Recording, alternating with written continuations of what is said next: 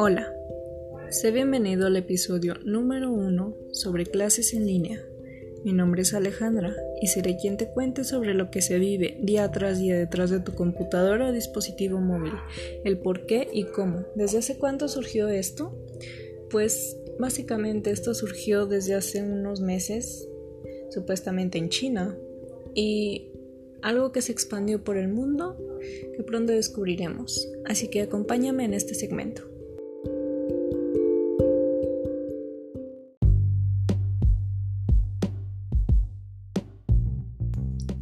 Hola, soy bienvenido al episodio número 2 sobre clases en línea. Mi nombre es Alejandra y seré quien te cuente sobre lo que se vive día a día en esta cuarentena.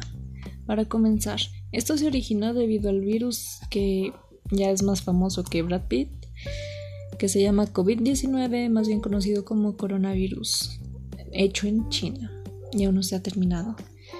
Eso se propagó por el resto del mundo. Lo que siguió a continuación fue una cuarentena. De esa cuarentena, pues bueno, básicamente todo cerró.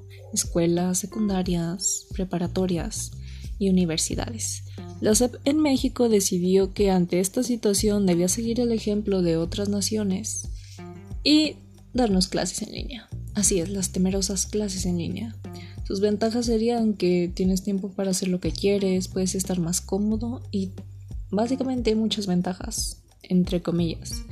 Sin embargo, algunos maestros no, yo como estudiante no voy a decir todos mis maestros, no se toman el tiempo de decir, bueno, a lo mejor les están dejando más tarea este y este maestro. No, lo que pasa es que están llegando toneladas y toneladas de tareas a varios y miles y miles y miles de estudiantes alrededor del mundo. Incluso hubo un caso de un muchacho que se suicidó porque habían demasiadas tareas. ¿Puedes creerlo? Yo ni siquiera puedo terminar esta tarea, pero bueno. El chiste es que las clases en línea nos están apoyando bastante, es lo que tenemos y es como varios van a terminar su fin de año, su graduación. Hay algunos que ni siquiera van a tener graduación debido a esto. Lo mejor que puedes hacer es tomarte tu tiempo, hacer tu tarea correctamente y tratar de comprender, aunque a veces los PDF o los videos que mandan por YouTube no se entiendan del todo. Es mi reporte hasta aquí. Supongo que nos veremos en un tercer episodio, así que chao chao.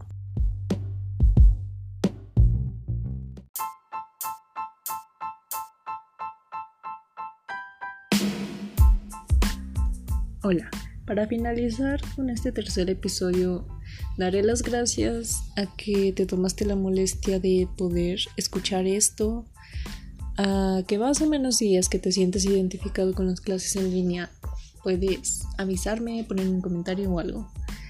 Sobre todo, quiero que sigas estudiando, aunque el estrés sea mucho, las tareas sean demasiadas, no te des por vencido.